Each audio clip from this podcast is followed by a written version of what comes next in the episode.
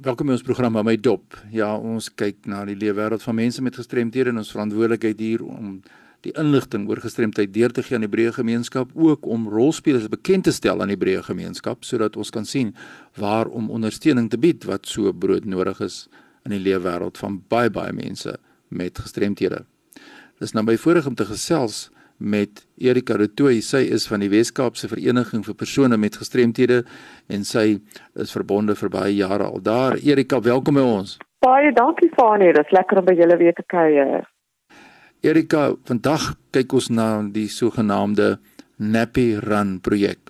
En vertel ons meer oor die projek en hoekom is dit so nodig hierdie Nappy Run projek? Ja, Fanie, die Nappy Run is 'n paar jaar al aan die gang. Dit is 'n bewusmakingsveldtog en die geweldige behoefte aan boeke vir kinders met gestremthede aan te spreek as ook 'n fondswerwingsstelsel om die boeke in te samel en dan aan families te skenk.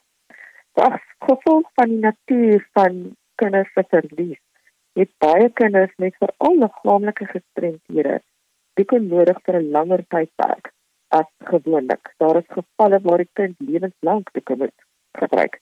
Maar ons weet almal hoe duur boeke is En ek dink die luisteraars sal verstaan dat om boeke vir 5 of 8 jaar of langer aan te koop onbekostig is. Nou, net nie dan help families om hierdie koste te dek, hier vir hulle pakke boeke te gee. Soos ek dit sien, is hierdie projek dan regstreeks 'n verskaffing van hierdie baie belangrike saak, boeke, maar ook 'n bewusmakingsprojek rondom waarom hierdie kinders dan nou boeke nodig het en ek dink dit is iets wat ons 'n groot rol ook by die radio kan speel om die gemeenskappe in te lig, te sensitiseer. Doen julle sensitiseringsprogramme in julle werk om mense in te lig oor die behoeftes van kinders?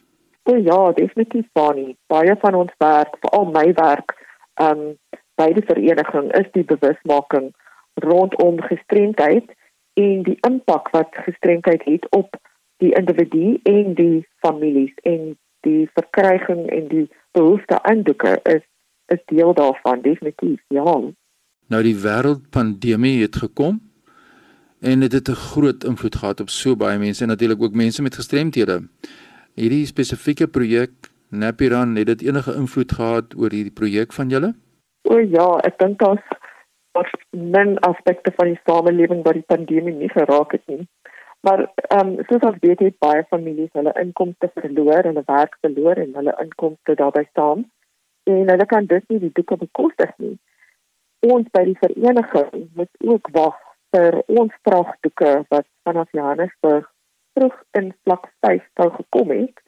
En wat eers in April, laat April vroeg Mei hier aangekom het en toe het ons probeer om dit ehm um, by families en en kinders in die in die provinsie uit te kry en dit was baie moeilik ook met die met die inperking. En dan is die publiek ook wat wat baie befondsing skenk aan die projek. Het hulle ook natuurlik nie veel geld in die projek te ondersteun omdat hulle self maar kry in die pandemie. Um ek glo op baie vlakke het regtig 'n uh, 'n slegte impak op die projek gehad. Deel van die projek natuurlik gaan ook samesyn interaksie tussen mense met gestremthede en nie gestremdes en dis meer En nou het hierdie pandemie gekom en dit het natuurlik ook 'n invloed en daar was jaarliks altyd 'n pretloop waar die mense baie na uitgesien het. Is dit nog 'n plek of is dit ook nou weggeval? Nee, soos jy sê, Fanny, dit was altyd 'n hoogtepunt in die veldtog, maar hierdie jaar kan dit ongelukkig glad nie gebeur nie. Dit was altyd ook net in Johannesburg waar dit gebeur het en ons in die Weskaap wou dit hierdie jaar vir eerste keer aanbied. Die fisiese pretloop maar ongelukkig moet dit nou uitgestel word tot tot volgende jaar ongelukkig. Ons het ook gedink miskien om 'n virtuele proefloop te te hou soos baie ander organisasies. Uh, maar daar was daar was te veel ander broodnodige werk wat ons moes gedoen het. En um, ons het besluit dat dit eers tot tot volgende jaar Nou ja, dit is baie interessant om te verneem hoe mense aanpas. Erika, as mense julle wil skakel by die vereniging rondom hierdie spesifieke projek, datums en tye en hoe dit jaarliks plaasvind of ook sommer net om aan te klop op die ondersteuning van persone met gestremthede, waar kan hulle vir jou aan die hande? Sorry, mense kan my kontak op telefoon op die landlyn by die kantoor is 021 355 4881. My direkte e-posadres is in Engels awareness@wcapd.org.za.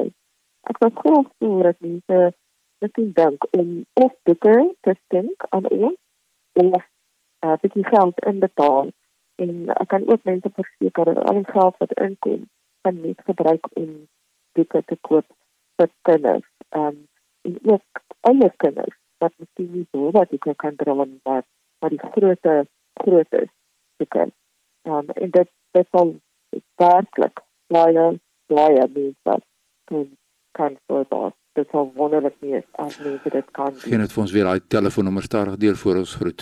Die telefoon is 031 355 2881 en e-posadres is awareness@wcapd.org.za.